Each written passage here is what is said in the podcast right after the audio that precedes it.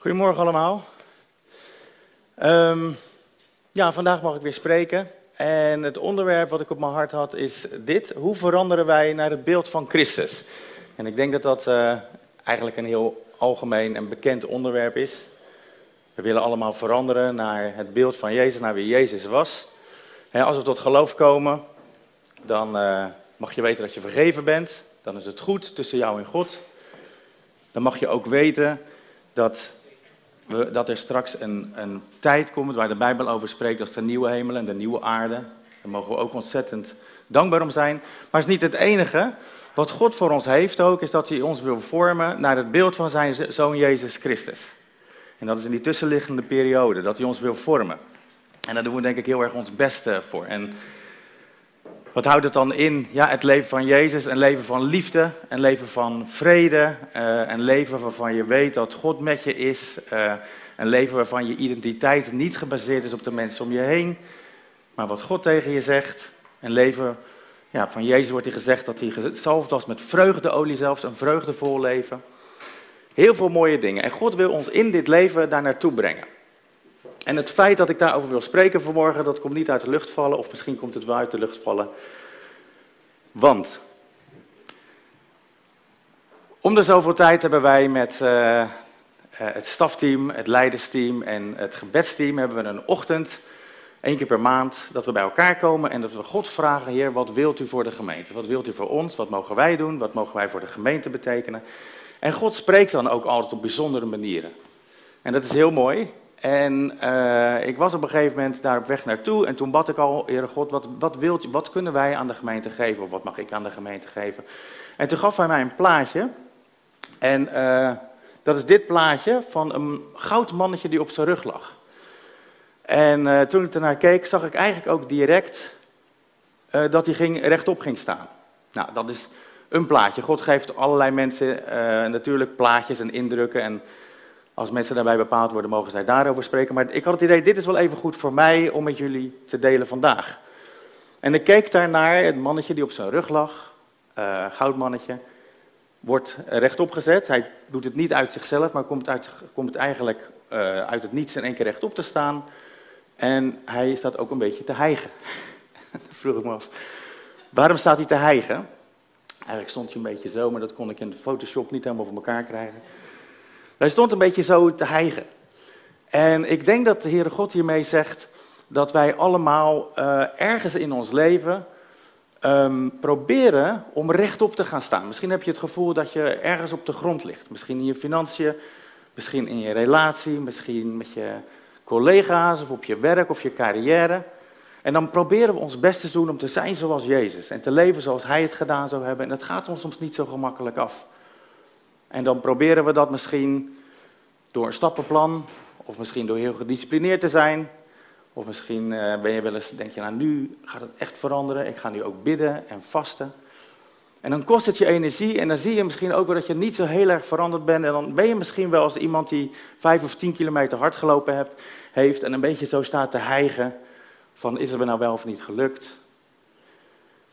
En dat is denk ik waar God ons vanmorgen bij stil wil zetten. We kennen het ergens sowieso allemaal, hè? dat we op de grond liggen eigenlijk, symbolisch gesproken, en dat, we, dat God verlangt dat we er rechtop gaan staan. Weet iemand het? Nou, ik heb een beetje water erin gefotoshopt. Dit is iemand die gedoopt wordt. En zo zijn we dus eigenlijk allemaal. We zijn allemaal gered door God. We gaan eigenlijk het graf in. Vind ik eigenlijk een beetje luguber om te zeggen. Maar ja, zo leert de Bijbel dat. Hè? We gaan het, het watergraf in. Dus eigenlijk stopt ons leven met wie we zijn. En wil de Heilige Geest, wil God ons eigenlijk rechtop zetten. Want als je uit het water komt, als je gedoopt bent, dan zijn er vaak twee mensen naast je en die zetten je rechtop. Het is vaak niet uit eigen kracht. En zo is het dat God ons rechtop wil zetten.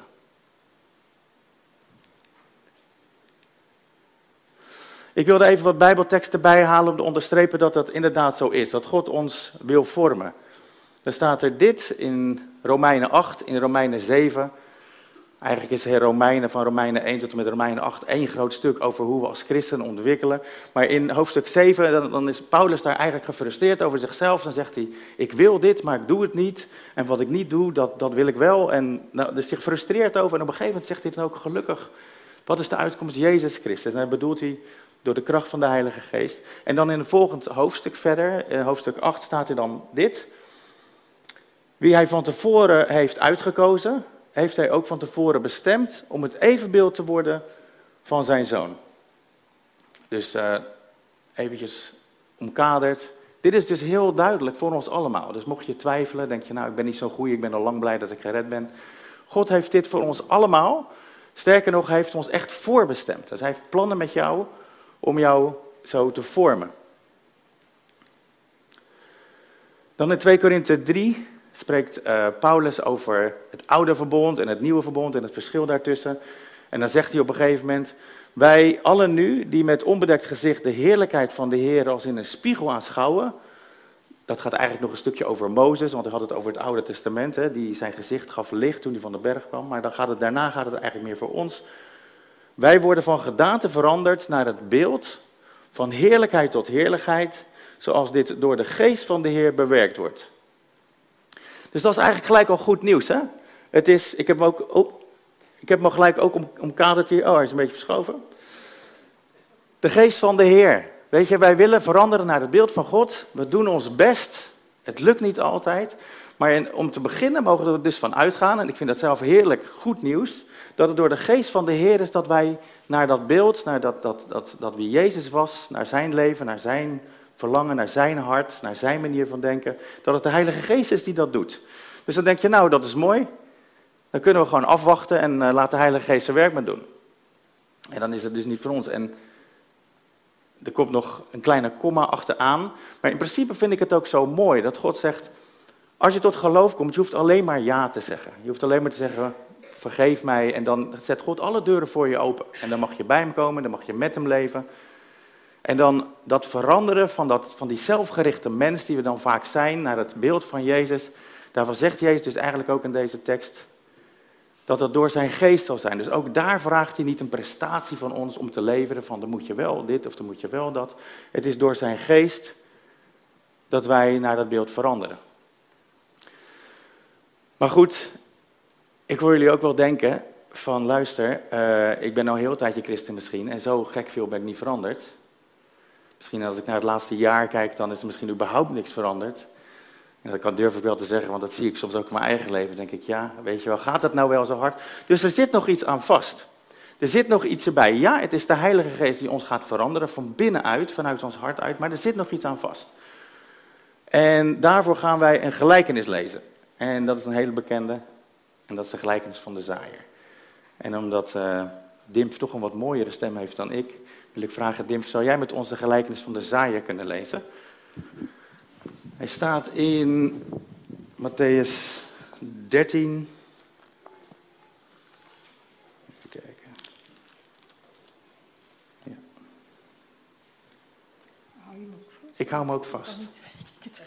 Dat is goed. Moet je hem ook een beetje in het licht hebben zo?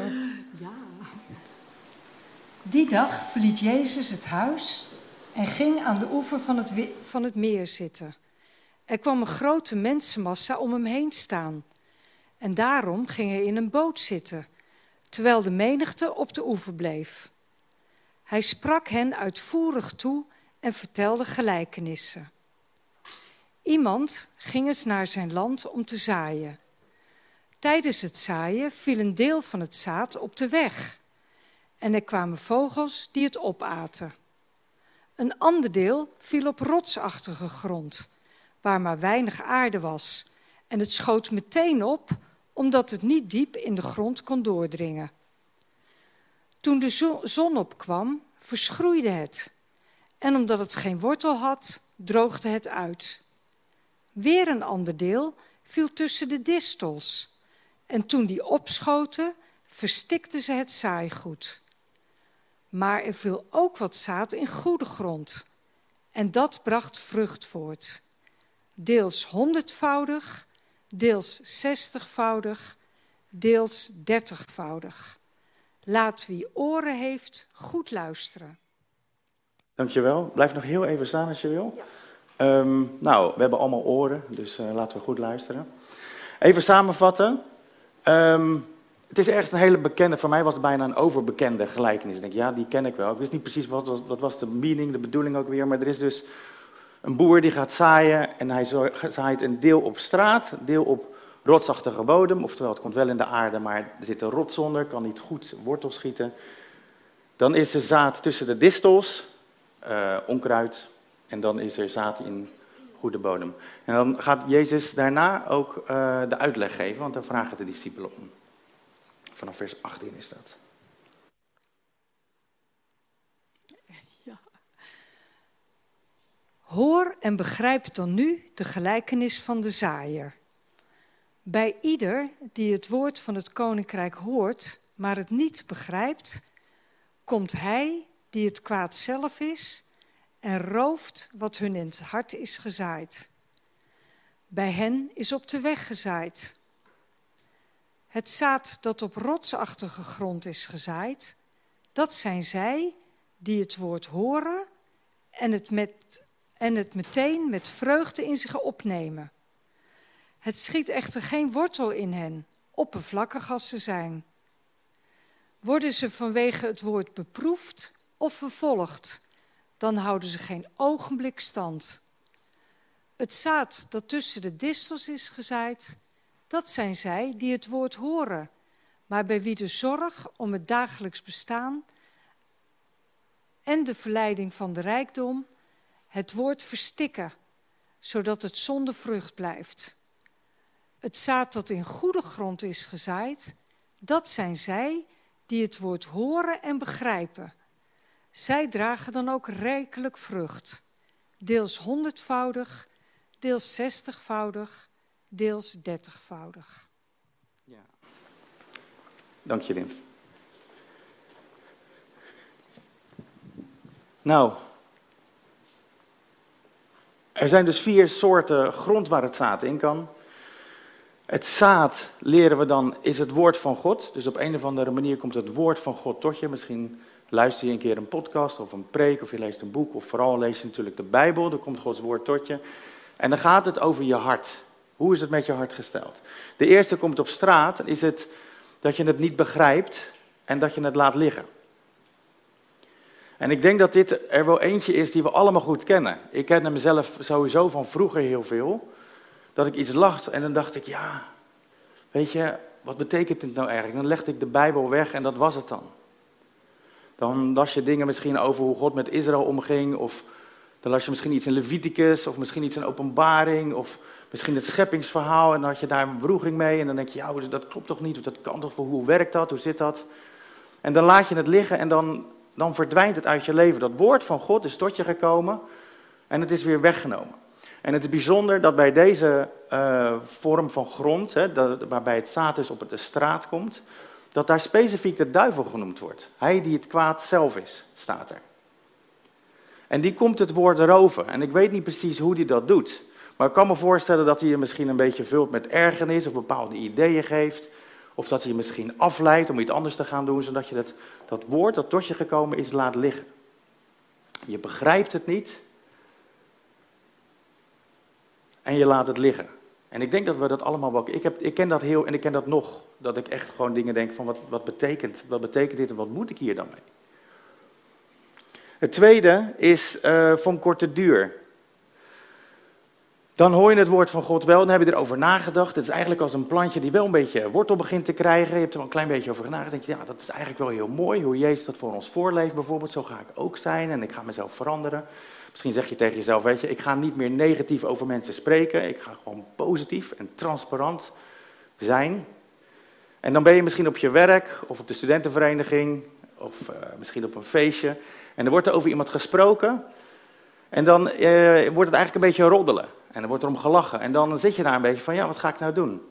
En dan wil je niet een heilig boontje zijn. Dus misschien doe je op een gegeven moment zomaar mee.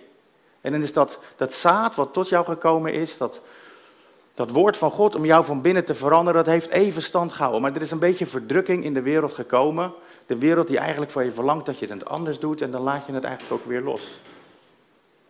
En dan heb je er te weinig over nagedacht, heb je er te weinig over gebeden en gemediteerd. En is dat, dat plantje, dat, is, of dat zaadje, heeft geen of nauwelijks wortel gekregen. De derde is uh, tussen de distels. En dat kennen we denk ik ook. Je, je hoort het woord van God, je denkt er bent enthousiast over.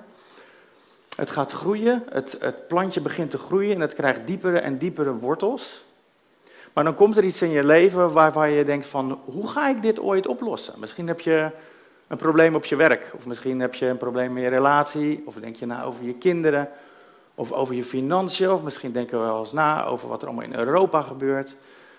En dan kijken we daarnaar en dan beginnen we ons zorgen te maken. En dat kan zoveel kracht hebben dat die zorgen, het woord van God, al de belofte, alles wat hij ons zegt, eigenlijk aan de kant duwt. En dan focussen we helemaal op die zorgen, op dat zelf uit eigen kracht oplossen.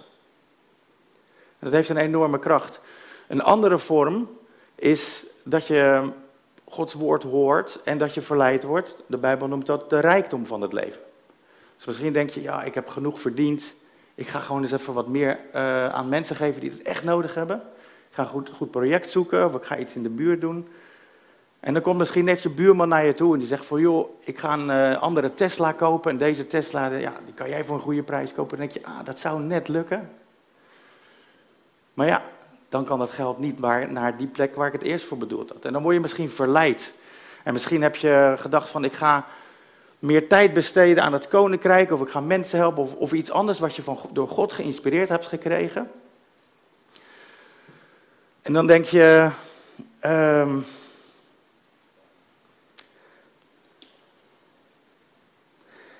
op een gegeven moment is het dan de rijkdom misschien een carrière stap. Misschien word je ergens voor uitgenodigd. Dat je denkt van ja, eigenlijk, eigenlijk heb ik het qua tijd ook niet meer. En dan leef je dat even in en denk je misschien komt dat later wel. En dan wordt dat woord wat God gezaaid heeft in je hart, wat ook wel wortel heeft gekregen, dat wordt dan weggenomen door of die zorgen of die rijkdom van het leven. En er staat in, in, in Marcus 4 staat de gelijkenis ook, en in Lucas 8 staat het ook, en in een van die twee, ik weet even niet welke, er staat er nog eentje bij en dat is de begeerte. En misschien heb je een relatie en dan denk je, ja, deze ga ik echt, ga ik echt, hier ga ik echt puur in leven. Misschien heb je net verkering en dan op een gegeven moment komen de begeerten en de lusten en de, de, de fun, zeg maar, ook van een relatie hebben. En dan gaat dat, dat verlangen van God, dat wordt weggedrukt door de begeerte van het leven. En zo kennen we denk ik wel, alle drie. En dan hebben we natuurlijk ook de vierde, dat is goede grond. Daar kan het zaad inkomen en je bidt en je leest en je denkt na. En je wordt van binnenuit veranderd en je krijgt daar blijdschap over. Dan groeit daar een plant en op een of andere manier word je vanuit je hart, vanuit je hart wie je bent, word je van binnenuit veranderd. Zonder dat je tegen jezelf zegt, ik ga dit doen of ik ga dat doen. Van binnen krijg je in één keer verlangens en dingen worden anders. Er staat in Marcus 4 ook nog een andere gelijkenis, die gaan we niet lezen, al is die maar heel kort. Die heet de gelijkenis uh, van de wachtende boer. Moest even googlen, ik wist ook niet hoe die heette. Maar dat is, een deze, dat is deze gelijkenis, die vertel ik kort. Dat is een, een gelijkenis, daar vertelt Jezus over een boer. Hij zegt, zo is het koninkrijk. Het is een, een boer die heeft zaad en die zaait, zaad in de grond. En dan gaat hij wat anders doen, een paar dagen, en dan komt hij terug. En dan is daar een plant gekomen. Dan is daar koren omhoog gekomen, of iets dat zaad, dat is gaan groeien. En dan staat er heel duidelijk bij, hij weet niet waarom. Dit is natuurlijk zo, hè? elke boer heeft dat. Je gooit zaad in de grond, je weet hoe het werkt. En je gaat weg en een enige tijd later kom je terug en dan is daar iets ontstaan. En dat gebruikt Jezus als voorbeeld van wat de Heilige Geest met ons doet. Dat het soms zo ingewikkeld en zo verstrekkend dat we het zelf niet begrijpen. Hij is diep, diep in onze zijn is hij ons aan het veranderen. Iets wat we zelf niet kunnen begrijpen en kunnen zien. Maar van binnen merken we dat we anders worden. Dus ja, we moeten, we mogen bij God zitten. Eigenlijk heeft het meer te maken met uh, een keuze dan dat we iets voor God moeten doen. Hè? Het is meer de keuze van, wil jij uh, Jezus leren kennen, wil je God beter leren kennen? Nou, er is een, een woord voor God, er is een Bijbel, wil je dat lezen? En op het moment dat je dat gaat doen, dan gaat hij jou dus van binnen veranderen. Maar dat is allemaal uiteindelijk het werk van de, van de Heilige Geest. Maar wat lees je dan bijvoorbeeld in Gods woord? Misschien zeg je van, nou, vertel dan maar gelijk om welke hoofdstukken het gaat. Dan ga ik die lezen en dan verander ik vanzelf. Maar dat is juist het unieke. Dat kun je niet zeggen. De Bijbel leeft, er staat in uh, Hebreeën 4 ook dat de Bijbel levend en krachtig is en scherp als een tweesnijdend zwaard. Dit boek, de Bijbel, dat is een levend boek. Er is geen boek uh, op aarde wat leeft zoals de Bijbel. En wat de Heilige Geest zegt en wat God met je wil doen, dat komt altijd overeen met wat hierin staat. En als je dan gaat lezen, misschien denk je, nou, ik ga een stukje in eh, Daniel lezen of misschien een stukje in Johannes. Op een of andere manier lees je dan een aantal versen en dan doet het je niet zoveel en dan springt er ineens iets op. En dan denk je, hè, dit begrijp ik niet. En dan kun je daarmee aan de slag, dan kun je daarover gaan bidden. Dan kun je gaan zoeken en misschien met mensen over praten. En dan gebeurt er wat. En dan lees je daarna misschien een ander Bijbelboek en dan lees je, of een ander hoofdstuk. En dan lees je wat en dan denk je, wauw, hier heb ik echt heel mijn leven overheen gelezen. Wat een mooi stukje tekst. En zo gaat de Heilige Geest dus, dus, dus door zijn woord, door de Bijbel, allerlei dingen oplichten. En dat is de manier waarop de Heilige Geest jou van binnenuit gaat veranderen. Dus er is ook geen vast programma van dit moet je doen of deze hoofdstukken moet je lezen. Het is helemaal specifiek ontworpen van wie jij bent en voor jouw leven. En wat God voor jou in de toekomst klaar heeft liggen.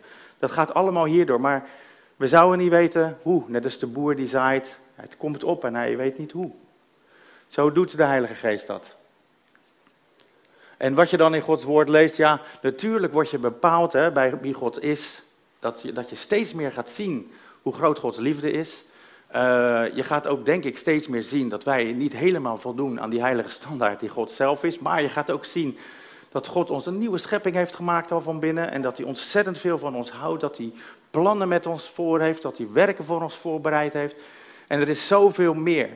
Maar nogmaals, ook dat is natuurlijk een mooi rijtje dingen van, dingen, van, van onderwerpen waar je allemaal van geïnspireerd raakt. Maar echt, er zijn dingen, wat ik zelf meegemaakt heb, dat ik denk van dat, dat, nu, dat ik dat nu lees, dat heeft zoveel impact op mijn leven. En dan is dat een of andere vage psalm, of een stukje uit Leviticus, of wat dan ook. Het is echt de leiding van de Heilige Geest die jou meeneemt door de Bijbel als je echt gaat zitten en gaat lezen en die jou van binnenuit op gaat bouwen. Dat is echt door de Heilige Geest. Ik zelf uh, ben opgegroeid met uh, het lezen van de Bijbel en het bidden. Mijn moeder kwam altijd s'avonds uh, bij mijn bed en dan lazen we een stukje en dan gingen we ook bidden. En toen ik ouder werd, ben ik dat, werd, eh, ben ik dat ook gaan doen. En ik kan me nog herinneren dat je dan soms in bed lag en dacht je, ach nee, ik moet nog lezen, ik moet nog bidden. Dan ging je even het lampje aandoen, dan ging je maar eventjes twee versen lezen, dan had je in ieder geval je ding gedaan. En ik kan me ook herinneren dat er tijden waren dat ik dacht van, weet je, ik heb eigenlijk niet zo'n zin om die Bijbel te lezen, want ik weet het wel. Dan sla je het boek Daniel open, bij Daniel en de leeuwenkuil, dan denk je, nou, hij gaat de leeuwenkuil in, in, wat zal er gebeuren? Nou, hij overleeft het. Grote verrassing. Of je leest een stukje van Jezus, hè, die zegt van gooi je net aan de andere kant, ook weer spannend. Wat zal er gebeuren? Nou, net vol met vis, hartstikke leuk. Maar je kent het allemaal wel en juist omdat je het misschien zo vaak gelezen hebt, doet het je allemaal niet zoveel, maar irriteert je misschien zelfs een beetje. En toen is er ook een moment gekomen, ik weet nog dat ik toen afstudeerde, ik deed internationale economie en uh, ik ging afstuderen in Bangkok. En toen was ik eventjes uit dat dat christelijke wereldje. Van mijn ouders waren christelijk, mijn vrienden waren christelijk, de middelbare school waar ik op had gezeten was christelijk. Het was allemaal maar christelijk en vanzelfsprekend en we liepen, dat liep allemaal zo, zomaar een beetje automatisch door. En toen was ik daar in een totaal boeddhistisch land. Alles was boeddhistisch. De vrienden die ik daar had, die ook, had ik allemaal, die waren boeddhistisch. Die hadden thuis een tuin met een soort vogelhuisje, een soort tempeltje. Daar stond dan een glaasje Fanta op of zo. Dus ze, hadden, ze waren echt wel toegewijd om, om zich op God te richten. Uh, maar alles boeddhistisch. En dat was voor mij eventjes een reality check van dat christelijke geloof. Is dat het wel echt? En ik ben altijd enthousiast geweest. Ik geloof alles wat erin staat, dat het klopt, dat het waarheid is. Ik ben er ook altijd heel goed door geïnspireerd. Ik heb eigenlijk nooit het idee gehad van ik wil wat anders of zo.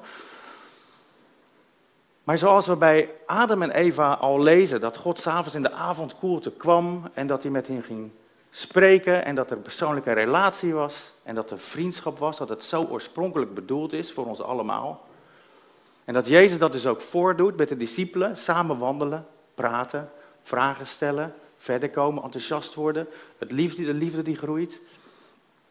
Dat kende ik eigenlijk allemaal nog niet zo. En toen was er een moment dat ik dacht, weet je, ik ben eigenlijk een beetje zat. Ik las iets in de Bijbel, in Bangkok dus, en uh, ik zei, Heere God, ik begrijp dit niet. En ik wil niet verder lezen voordat ik dit begrijp. Dus ik heb mijn Bijbel dicht gedaan en weggelegd. En eigenlijk gewoon afgewacht. Een beetje, misschien is dat wel een beetje worstelen met God. Een beetje van, nou, als u dan een persoonlijk God bent, wilt u me dat dan ook laten zien? Wilt u me hier ook antwoorden? En twee dagen later had ik een antwoord. Dus dacht ik, ja, een beetje toevallig misschien. Misschien is dit toevallig op mijn pad gekomen. Dat vind ik te weinig om te zeggen van, ja hoor, God is een persoonlijk God. En toen ben ik nog een vraag gaan stellen en nog een vraag. En toen ging dat groeien. En ik kreeg, iedere keer kreeg ik antwoorden erop. Soms via een boek, soms via iemand anders. En op een of andere manier had ik het idee van, wauw, ik vraag dingen en er is een God die ziet mij, die hoort mij echt iedere keer en antwoordt mij. En toen is er een tijd gekomen, ehm, ik weet niet goed welke woord ik eraan moet geven, maar waar ik gewoon zoveel zin had en zoveel blijdschap ervaarde om de Bijbel te lezen, dat ik hem gewoon ja, elke dag, ik wil niet zeggen dag en nacht, maar elke dag zat ik hem te lezen. Er was ook een moment dat ik naar de Bijbel keek en dacht ik, wauw man, ik heb overal kleurtjes, ik heb dingen onderstreept, ik heb pijlen, ik heb vraagtekens, ik heb er uitroeptekens, ik heb er dingen bij gezet, ik heb dingen ontcirkeld. En werkelijk op elke bladzij. Dus ook Leviticus en ook Openbaring en ook al die moeilijke en rare boeken. En toen ik dat zo zag, dacht ik, hoe kan dit? Hoe kan het zijn dat ik ooit zeg maar niet wist wat ik moest lezen, dat ik alle verhalen wel kende en dat de Bijbel allemaal niet zo belangrijk. En hoe kan het dan zijn dat in één keer zoveel door allerlei vreemde, als ik dat zo mag zeggen, Bijbelboeken helemaal begint op te lichten? Dat is het werk van de Heilige Geest. En daar ben ik niet speciaal mee, want dat heeft Hij voor ons allemaal. En op het moment dat wij bij God gaan zitten, als je dat zo mag zeggen, en je gaat lezen en je gaat met hem in gesprek, dan is dat, misschien is dat wel een beetje als zo'n autootje die ik vroeger had, dan moest je zo een beetje tegen de grond drukken. En dan moest je hem zo een beetje drukken naar voren. En liet je hem los en dan ging die. Zo is het misschien ook wel met Bijbel lezen. Misschien vind je het vervelend om Bijbel te lezen. Nogmaals, dat vond ik dus ook. Maar God heeft er een enorm plezier in als we ons naar Hem uitstrekken en Zijn woord gaan lezen. Want Hij wil ons echt helemaal veranderen naar het beeld van Jezus dus. Maar dat komt dus door de Heilige Geest, dwars door de Bijbel heen. Dus makkelijker kan ik het niet maken dan dit. Er staat in uh, het Nieuwe Testament vaak, dat gaat over Gods woord horen. Ik denk dan wel eens van, oh ja, ze hadden geen Bijbel nog in die tijd. Die lag dan in de synagoge of in de tempel, dus voor hen was het vooral horen. Ik denk dat het niet veel verschilt met de Bijbel lezen of de Bijbel horen. Maar de eerste is dus de, de Gods woord horen of de Bijbel lezen. En de tweede is dat echt serieus overdenken. Dat wortel laten schieten in je hart. En dat je dan niet wegloopt als je denkt, ik begrijp het niet. Of het klopt niet, of het, of het correspondeert niet met de wetenschap of wat dan ook. Maar dat je daarmee aan de slag gaat. Dat het dus niet op straat komt te liggen zodat het geroofd wordt. En dat je niet uh, het ook maar heel kort eventjes tot je neemt, maar dat je het echt wortel laat schieten. Zodat het niet met een klein beetje verdrukking alweer verdwijnt. En dat je er ook op let dat als er zorgen in je leven komen of dat je opportunities krijgt om je leven te verrijken, dat je dan wel dat woord van God uh, blijft waarderen en er blij op blijft focussen, zodat het verder en verder en verder kan groeien. Ik merk ook heel duidelijk als ik, als ik naar mezelf kijk, dat God soms mij iets uitlegt uit de Bijbel. En dan even later legt hij wat anders uit. En dan denk ik, dan komt er een derde vraag en die hebben dan met die twee te maken. Dus het is niet alleen zeg maar, elk zaadje wat van zichzelf een plantje wordt, het is alsof het ook allemaal met elkaar samenwerkt. En dat is natuurlijk ook het werk van de Heilige Geest waarbij hij exact weet met zijn extreme intelligentie welke weg hij met ons moet gaan, welke de dingen die in ons hart zijn en welke we nodig hebben. En als we dan Gods woord overdenken en we veranderen van binnen, dan zie je dat je in één keer je anders gaat gedragen zonder dat je dat van tevoren zelf zo gepland had. Natuurlijk is het goed dat je erbij stilgezet wordt, dat je met je bepaalde manier met je geld om mag gaan, of op een bepaalde manier met andere mensen. Maar ik denk dat het veel rijker is dat je dat bij God legt. Wilt u mij veranderen en gewoon je Bijbel blijft lezen? En dat je op die manier verandert in plaats van dat je dat uit discipline of uit een puntenlijstje of door bidden en vasten of wat dan ook gaat proberen te doen. Maar dan ben je als dat mannetje dat voorover staat en staat te hijgen dat hij een beetje rechtop staat. Terwijl God zegt, ik wil je eigenlijk zelf rechtop zetten. Even nog een paar teksten en dan gaan we afsluiten. Um, Psalm 1 zegt het ook duidelijk. Hè? Ehm, als je succesvol wil zijn, overdenk zijn wet of overdenk wat er in de Bijbel staat. En staat er ook nog bij bij dag en nacht. Dat lezen we ook van Jozua als hij het volk van Israël het beloofde land inneemt. Dat wordt heel spannend, want er zijn reuzen en alles daar. En dan zegt God ook gewoon, leg dit wetboek niet weg. Laat het niet, laat het niet, leg het niet weg bij je vandaan. Oftewel, zo nu en dan wat in uh, de Bijbel lezen. Een goede tekst uh, van een dagboekje. Van uh, ik ben bij je alle dagen van je leven. Of ik heb een hoopvolle toekomst voor je. Dat zijn allemaal fijne en goede en hele mooie dingen die God ons geeft. Maar ik zeg je, het is niet genoeg. God vraagt echt van jou om echt te gaan zitten en echt zijn woord te gaan bestuderen en gaan lezen en met hem daarover in gesprek te gaan. Ik wil niet zeggen dat je dat zo als hier bij de psalmist genoemd wordt, uh, dag en nacht. Misschien is het een beetje overdreven, maar het is intensief. Als je echt God wil zoeken, als je echt het verlangen hebt om te veranderen, ga dan echt tijd nemen. Maak tijd in je agenda. In Filippenzen 2 staat het ook nog wel mooi dat, dat hij onze willen bewerkt. Hè? Er zijn dingen die wilde je misschien helemaal niet en op een gegeven moment heeft hij iets in je hart gedaan. En dan wil je het. Ik kwam ook nog een mooi verhaal tegen in Lucas 19 van Zacchaeus. Het verhaal van Zacchaeus kennen we natuurlijk. Die was een beetje klein en die wilde toch wel iets van Jezus horen. Die was in de boom geklommen. Jezus kwam voorbij en hij zei tegen Zacchaeus, eh, kom uit de boom. Laten we samen bij jou wat gaan eten. En Zacchaeus die is uh, uh, uit de boom gekomen, heeft Jezus meegenomen naar zijn huis en ze hebben gegeten. En ze hebben een, ik denk, een hele mooie, goede tijd met elkaar gehad. En dan zegt Zacchaeus op een gegeven moment, joh, ik ben oneerlijk geweest met geld. En ik ga iedereen die ik benaderd heb drie keer terugbetalen. En het mooie is, Jezus heeft het daar nooit over gehad. Jezus heeft hem nooit gewezen op de dingen die hij niet goed deed. Het was de vriendschap van Jezus, het was de liefde van Jezus, het was de onvoorwaardelijkheid van zijn nabijheid en zijn zijn, die iets in het hart van Zacchaeus had gedaan, waardoor Zacchaeus niet het gevoel had van dit moet zo of dat moet ik veranderen, maar hij had een, een ontzettend verlangen. Hij wilde veranderen. En zo wil de Heilige Geest het met ons ook doen.